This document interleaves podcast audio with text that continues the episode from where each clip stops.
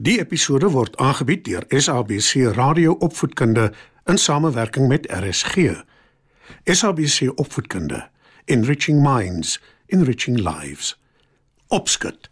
Skryf nader en kom luister en leer saam.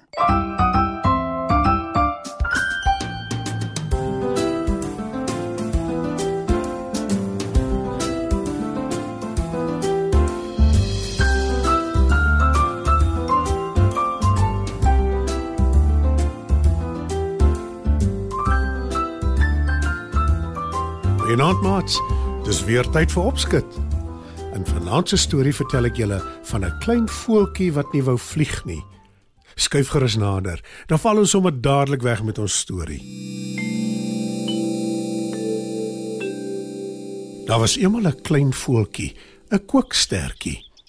Haar mamma het alles probeer om haar so ver te kry om te vlieg. Kom nou, Kokkie.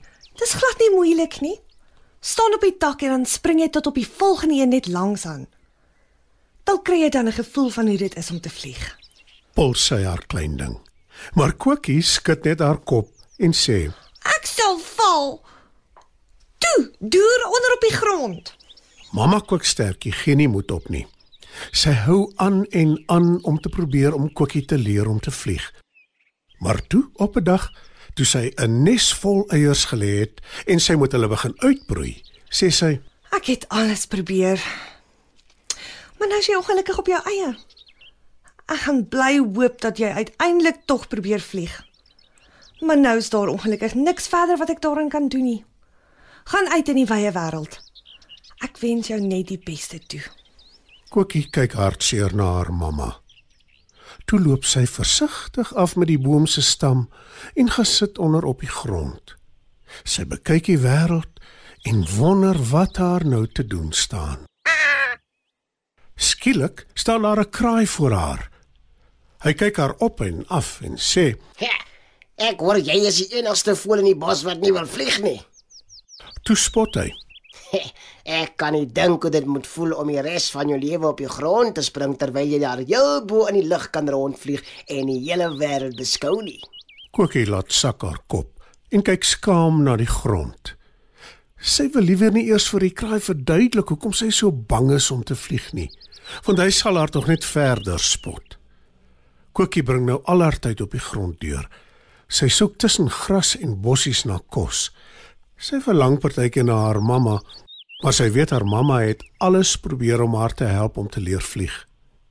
Toe eendag hoor sy 'n geritsel in die gras langs haar. Kokkie het intussen geleer om baie versigtig te wees as sy vreemde geluide hoor, want nie almal is ewe vriendelik nie. Wie's daar? Vra sy in 'n bewerige stem. En skielik spring daar 'n vreemde diertjie uit die gras, een wat sy nog nooit van tevore gesien het nie, en hy gaan staan voor haar. My naam is Eben. Eben die eekhoorn. Kondig hy aan. En toe sê hy: En jy? Jy's Kokkie. Die kookstertjie wat nie wil vlieg nie. Nie wil nie. Kan. Ek, ek bedoel dit is nie dat ek nie wil vlieg nie. Ek kan nie. Hoe ken jy buitendien my naam? En hoe weet jy van my? sê Kokkie met baie meer selfvertroue as wat sy voel. Almal hier rond weet van jou. sê Eben die eekoring. En weer laat sak Kokkie haar kop in skaamte. Toe sê sy in 'n klein stemmetjie: En almal lag my uit en spot my. Ek weet. 'n Voël wat nie wil of kan vlieg nie. Spring op my rug. sê die eekoring. Kokkie kyk verbaas na hom. Toe verduidelik hy: Ek vat jou tot hoog bo in die groot boom hier langs ons. Hoekom? "Wil Kokkie versigtig weet," Nou jy's seker al moeg om net hier op die grond te sit.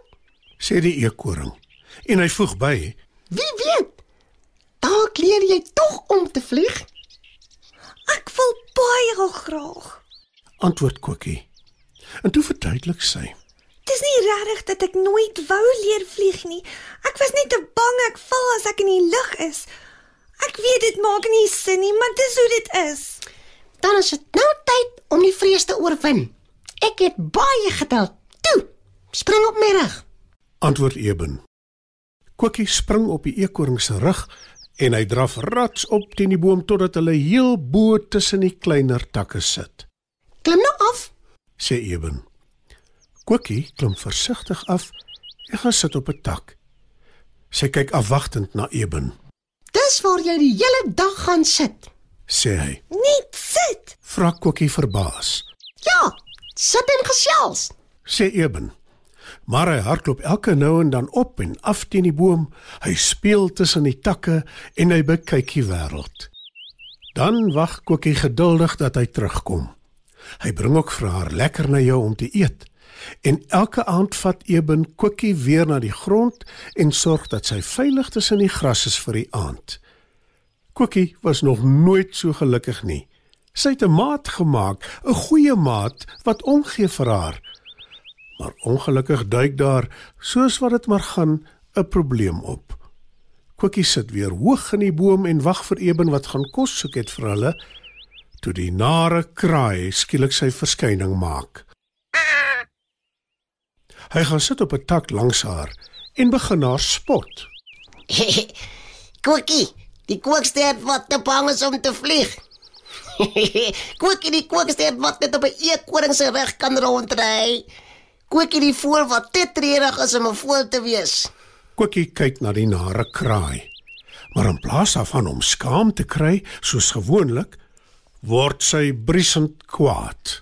Ek is nie 'n treurige voel nie. Ek is ook nie bang nie. En jy's 'n nare voel wat op ander pik. Maak dat jy wegkom. Ek wil jou nie naby my hê nie. Roep sy woedend en sy swaai haar vlerke, Ek sal nog leer vlieg. Jy sal sien. sê sy. En dis toe dat Eben tussen beide kom en sê: Jy vlieg al klaar, Kokkie. Kokkie kyk verbaas rond en sien dat sy op heeltemal 'n ander tak sit. En sy besef sy het in haar woede tot daar gevlieg. Die nare kraai het dit ook gesien en hy vlieg weg. Dankie, liewe maat. Sê Kokkie vir Eben, Jy het dit alles self gedoen. antwoord Eben. En van toe af vlieg Kokkie oral waar sy wil wees en sy en Eben bly beste maats vir altyd.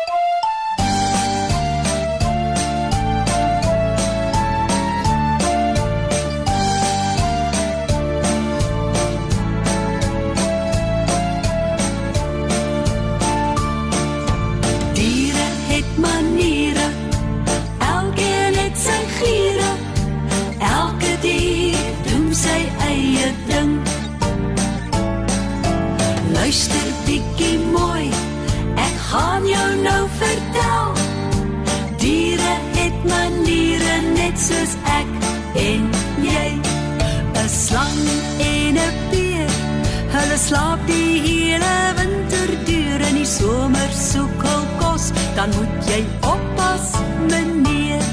'n Uiljag in die donker en slaap weer in